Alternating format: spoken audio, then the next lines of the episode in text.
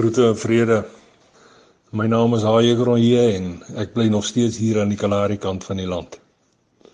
Genesis 11 se 4de versie sê die volgende: Kom, sê hulle, laat ons vir onsself roem verwerf en 'n stad bou met 'n toring wat aan die hemel raak. Dit sal ons bymekaar hou en keer dat ons oor die hele aarde verstrooi word. Vandag se storie se naam Babel se bondel. Die warmste hemele gestadig maar seker besig om agter die verse sien te loop slaapplek soek. Ek en die mooiste mooi sit langbeen op ons kuierstoep. Ek met my oranje koffiebeker en sy met 'n teekoppietjie van fyn porselein. Dis amperkies naweek en die laaste week was erg lank en diep moeisaam.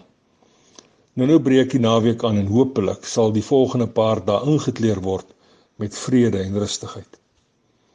Reg voor die wynwinkel se groen deur bondel 'n klompie jong manne rondom Janeman saam.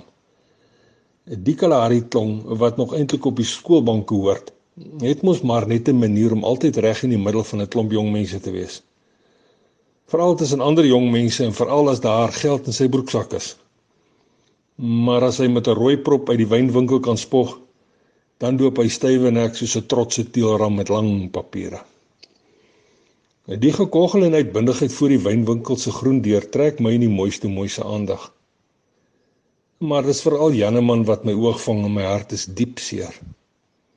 Die jong man met duine vol potensiaal wil tog so graag vry en ongebonde, onafhanklik en in beheer wees. Dis en sonder enige verantwoordbaarheid teenoor enige iemand of enige struktuur. Hy wil kom en gaan soos die lekkerte ompak en en niemand kon hom enigstens iets leer nie. Vir Janeman gaan alles net oor homself en oor roem. Roem wat slegs hom toe kom, amper net soos Babel se bondel mense. En daarom is hy oortuig dat die Kalahari son mos net oor hom en sy doen dinge skyn. Om egter vry, onafhanklik, ongebonde en in beheer te wees, impliseer groot verantwoordelikheid. Dis voorwaar iets wat Babel se bondel nie regtig verstaan het nie. Hulle het in geleef in 'n era waar die Skepper van hemelgoed en stofaarde gedien kon word sonder enige beperkings, enige reëls en enige belemmering. Hulle kon by hom ingaan, hom aanbid en hom lief hê sonder enige voorbou of enige vereistes. Maar nee. Babel se bondel wil 'n nalatenskap, 'n monument, 'n erflating los van hulle eie vermoëns om skynbaar nooit te verdwaal of verstrooi te word nie. Hulle wil elke dag herinner word aan hoe spesiaal en oulik hulle is. Hulle soek eerder roem en erkenning wat soos twee inspan donkies saamtrek. Die een kan en wil mos nie sonder die ander een nie. En ons Here wat 'n verhoudingsgod is, hy's nêrens deel van hierdie storie nie. Babel se bondel en so ook Janeman se begeerte is om onthou te word. En dan moet daar lofliedere oor hulle gesing word. Hoe harder en duideliker, hoe beter. Net soos die stories wat ons graag oor onsself vertel.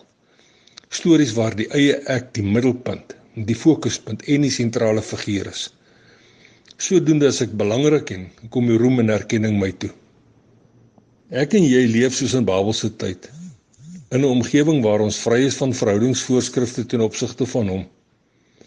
Ons kan by die Vader ingaan, hom aanbid en hom lief hê sonder enige voorbehou of vereiste. Alles gaan tog maar net oor hom. Die stories wat ons vertel moet eerder sy storie wees, want hy is die Here, die alomteenwoordige, alleswetende, almagtige Skepper van hemelgoed en stofaarde. En terwyl Janeman en die bondel jong mense rondom hom buite sig wegraak, wonder ek of die Janemanne van die lewe ooit sal verstaan dat alles maar eintlik net oor Jesus gaan. Jesus, die kerelkind van God, en Jesus as die Here wat eendag weer gaan kom. Nou ja, tot 'n volgende keer. Mooi loop in. Sankorrel baie seëninge.